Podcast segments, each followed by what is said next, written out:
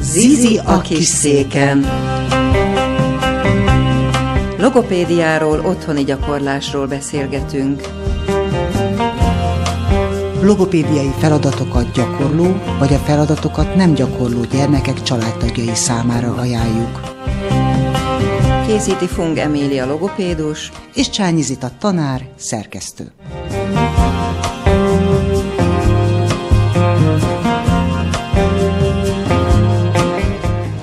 Zizi a kis széken.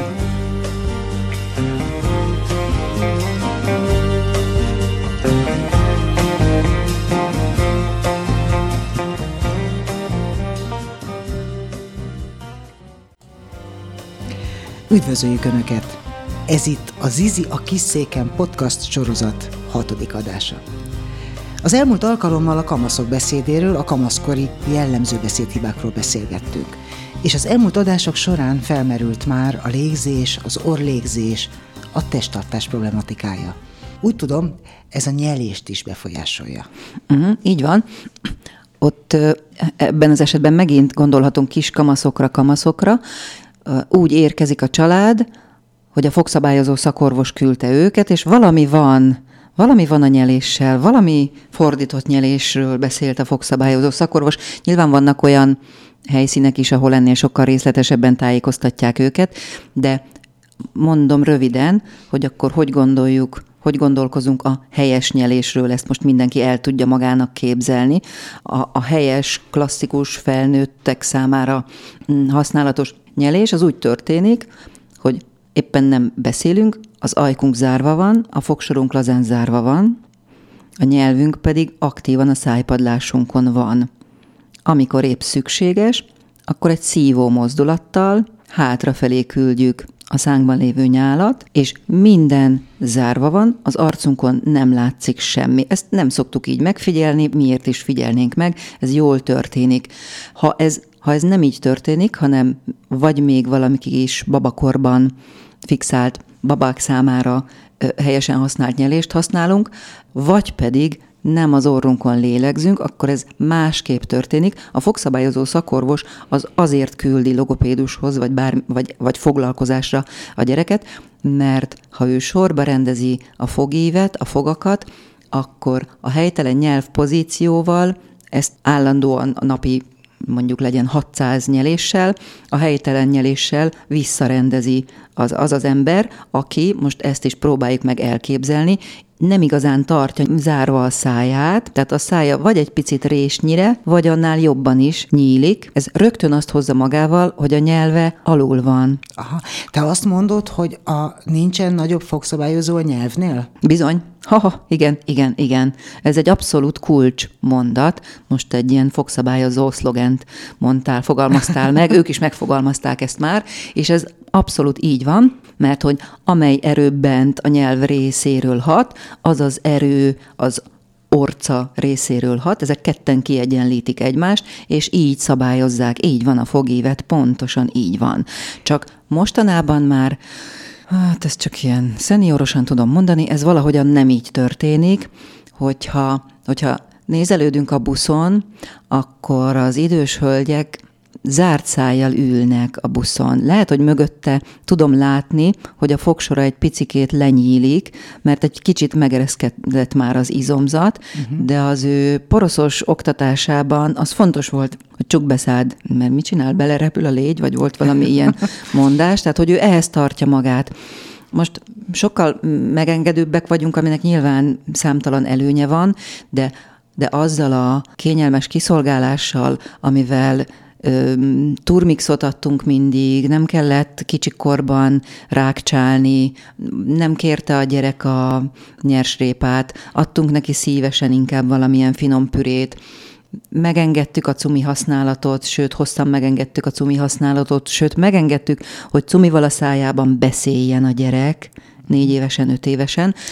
Elnézést, a cumi használat okoz olyan gondot a fogazatban, amit aztán nehéz orvosolni? Döntően És igen. nektek, Van- logopédusoknak ebbe Mi a szerepetek? Döntően igen. Vannak olyan mázlisták, akik még akár az újukat is szopták, vagy akár két újukat is szopták a nyolcadik életévükig, és mégis épp a fogívük, és szép a foguk. Aha. Hát ők hurrá, hurrá. Nem, nem így szokott lenni meg lehet tippelni, hogy kb. mit szopogat, melyik kezében tartja, vagy melyik ujját szopogatja, arra felé van, így van elváltozva az egész, fogíve, és, és a, a hagyományos logopédiai terápiákban egy mondat szokott így esni erről, hogy, hogy a gyerek hagyja abba ezeket a káros szokásokat. Azt sejtjük, hogy az egy pszichológiai hátterű probléma, hogyha én akár kedvesen, akár határozottan, de azt mondom, hogy akkor mostantól nem lehet használni ezeket az eszközöket. Tehát nyilván nem tudom azt mondani, hogy holnaptól tegye el a cumit, vagy ne szopja az ujját, vagy tegye le a rongyát, vagy tegye le a vonalzóját, de valahogyan hosszú távon ezeket érdemes abba hagyni, ezeket a szokásokat, és ez a klasszikus nyelvlökéses nyelés terápia, amiről most itt ezekben a percekben beszélgetünk, ez akkor végezhető, hogyha ezek a szokások nincsenek meg. Uh-huh. A gyakorlatban nem akartalak elterelni nagyon a nyitott szájról, Aha. mert azt gondolom, az egy kulcs. Ez pontosan így most. van. Ez abszolút így van, olyannyira, hogy, hogy én bármely életkorban szerintem ezt már mondom. Tehát amikor én bemegyek egy óvodai csoportba, és azt látom, hogy a gyerekek nyitott szájjal üldögélnek vagy játszanak, tehát nem arról van szó, hogy az elalvás előtti mesét tátott szájjal hallgatják, mert ez olyan érdekes, hanem arról, hogy nyitott szájjal legóznak, ami egy aktív cselekvés, vagy fésülik a baba haját, akkor én mindig nagyon aggódni kezdek, és, és erről igazán szoktam beszélni a kollégákkal, mert az értő kollégák ezt igazán jól tudják hallgatni, hogy ebben rengeteg praktikát lehet bevetni, tehát a családoknak is, az óvodapedagógusoknak is, az, hogy mit játszunk most úgy, hogy közben legyen csukva a szám, vagy mit ugráljunk az óvodai tornában, most pici életkorra gondolok, tehát itt most egyszerűen csak az orlégzésre gondolok, ahogyan kérdezted, miközben mondjuk egy szem zizi van az ajkam közt,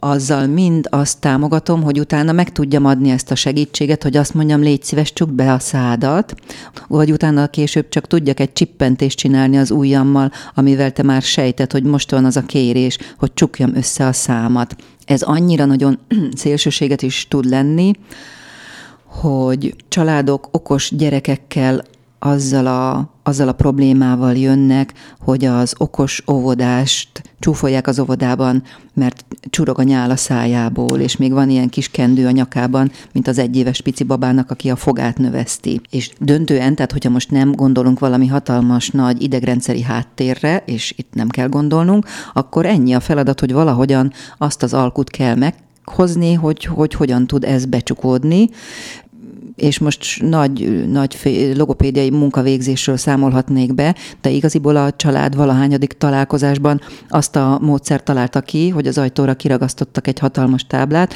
a gyerek pedig kapott egy nem tudom én hány százas matricát, és ahányszor csukva volt a szája, felrakott egy matricát erre a táblára, és azt mondtam, hogy hurrá, hurrá, nem kell többé találkoznunk, mert megtalálták azt a gyakorlási módot, amivel ők előre fognak lépni.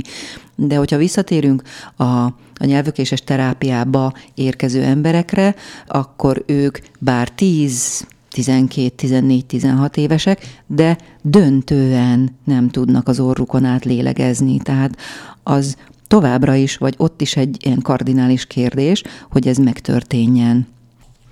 Onnan indultunk, hogy azok közül, a szakemberek közül, akik felfedezhetik a nyelvlökéses nyelést, az, az egyik a fogszabályozó uh-huh. fogorvos. Ki az, aki még rávezetheti, ki az, aki még észreveti, rávezetheti a, a szülőket, vagy utalhat arra, hogy valamilyen gond van a gyerek nyelésével? Észre lehet-e máshonnan venni azt, hogy a gyereknek nyelvlökéses nyelése van? Hát amikor a fókuszt erre irányítjuk, akkor a család bólogatni kezd, tehát hogy akkor egy ilyen aha élménnyel, igen. A logopédiai szűrések során ez nyilván újra kiderülhet, ez lehet egy szempont. Jelezheti a fülorgégész szakorvos, hogyha fordulnak hozzá, foniáter szakorvos is, Más egyéb nem, tehát ez, ez, ezzel a megnevezéssel a családok számára messze nem olyan ismert, mint amennyire mondjuk most már a tanulási zavarok fogalma, vagy sok más ilyen szakmai terminus. Ha egészen egyszerűek akarunk lenni, mi a különbség a szájon átvett levegő és az orron átvett levegő között? Miért érdekes ez a, a testemnek, vagy a gyerek testének? Uh-huh. Mert fiziológiásan sokkal-sokkal hatékonyabb és egészség növelőbb az orron átvett levegő, azt arra emlékszünk a biológia órákról, hogy akkor azt a, az orr nyálkahártya szűri, melegíti, a, amit meg akkor nem tanultunk, az arra vonatkozik még, amit azóta kutattak már, hogy más fajta levegő keverék kerül így a tüdőnkbe, aminek magasabb a széndiokszid szintje, magasabb, uh-huh. mert ez csillapító hatással van, tehát stressz, csökkentő hatással van, és hogyha egy kicsikét most kipróbáljuk azt testtartásban is, ahogyan lelöttyed a szánk a száj légzésnél, úgy az egész vállöv egészen elernyett, hogyha a kezünkbe képzelünk még egy mobiltelefont, amit közben nyomkodunk, akkor ez egészen életszerű talán, és hogyha ezt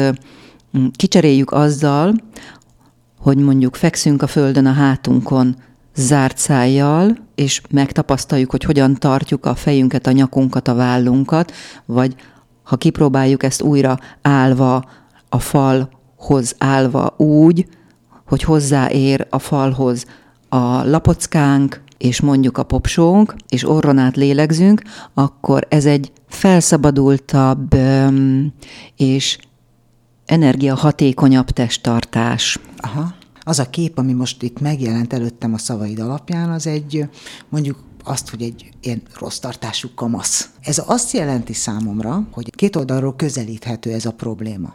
Uh-huh. Tehát elindulhatok logopédiai úton, és az befolyással lesz a testtartásra, és egyáltalán a, a tartásomra, a mozgásomra. De elindulhatok a másik oldalról is, hogy a testtartást változtatom meg, sportolok, és az fog hatással lenni az én beszédemre. Igaz ez? I, I, I, igen. ez egy igen. dolog.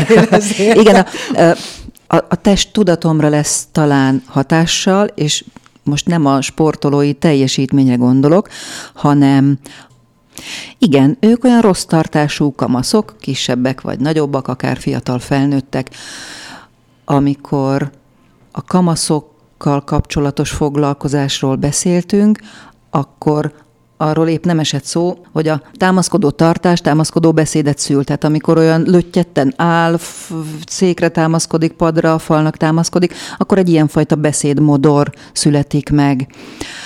Ha én itt a nyelvlökéses nyelés kapcsán olyan gyerekekkel, fiatalokkal dolgozom, akik sportolnak, akkor egészen más dolgom van, mint akik mint akik nem. Tehát a, amikor ezeknek a gyerekeknek azt a feladatot adom, hogy akkor legyen napi 5 perc zárt száj, ez biztos, hogy zárt száj legyen, akkor legközelebb visszakérdezem a feladatot, és azt mondják, hogy persze. Amikor adok erre egy sokkal bonyolultabb feladatot, akkor azt mondják, persze.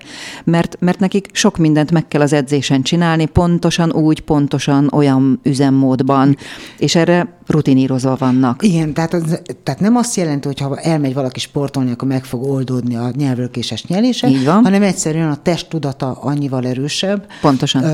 És annyival jobb a feladattudatos feladattartása, hogy könnyebben tud a te utasításaidnak is megfelelni. Így van, és mondjuk a felnőttek, de akár ezek a kamaszok is képesek ebbe a sportolói helyzetbe átvinni az én feladataimat. Tehát amikor én azt kérdezem, megint csak kikérdezem, hogy mit szokott csinálni, mi, mi a hobbija, mivel szeret foglalkozni, azt mondja, hogy mindig biciklizni szokott, akkor én azt nem kérem, hogy a teljes biciklizés során, de azt megbeszéljük, hogy akkor amikor neki indul, akkor legyen egy olyan fázis, amikor abszolút figyelme van arra, hogy ő zárt szájú legyen, és aztán később nyilván ez változni fog, ez egy bármilyen másfajta edzésen is így van, és amikor a levezető fázis van, akkor legyen egy figyelme arra, hogy már ismét újra zárt szájú, és a nyelve aktívan fent van, és ezzel ő hosszú perceket tud így gyakorolni.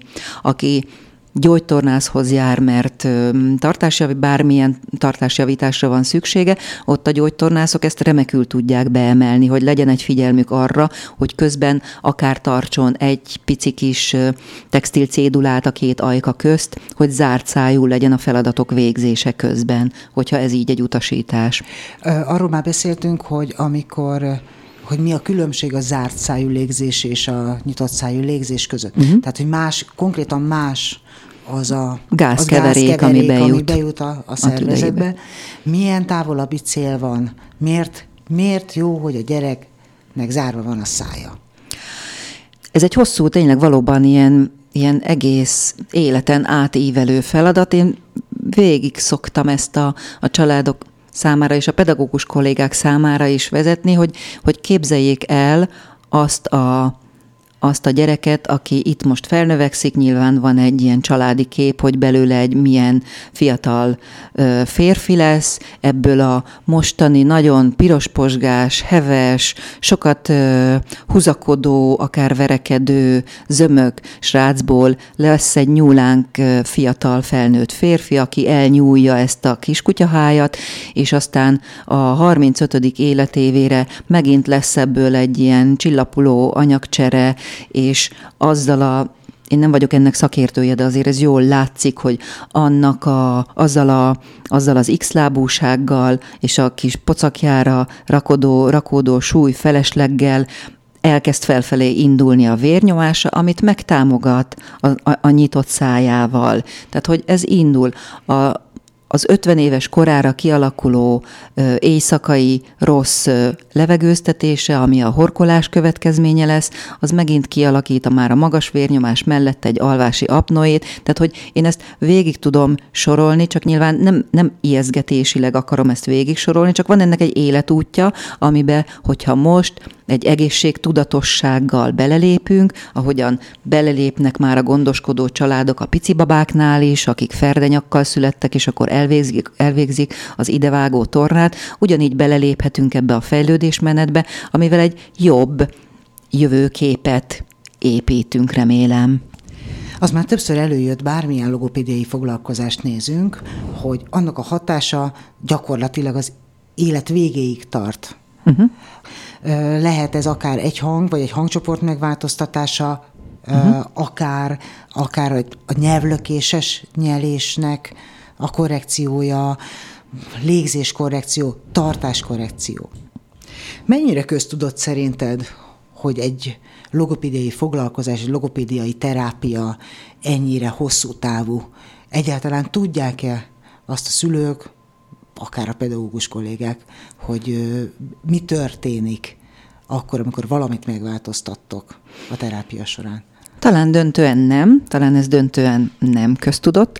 Törődő családok azért ezt mégis nagyon-nagyon jól megszokták fogalmazni, nagymamák meg szokták fogalmazni, hogy ők a lányukkal végigcsinálták mm. ezt már, és lámlám, és, és hogy akkor ők ezt most már még professzionálisabban tudják segíteni az unokájukat ebben a munkában. De most, hogy erről gondolkodtunk, jutott eszembe, hogy a, a logopédus kollégák számára az a jól megfogalmazott tudás, hogy a kommunikáció egészének a befolyásolására törekszünk.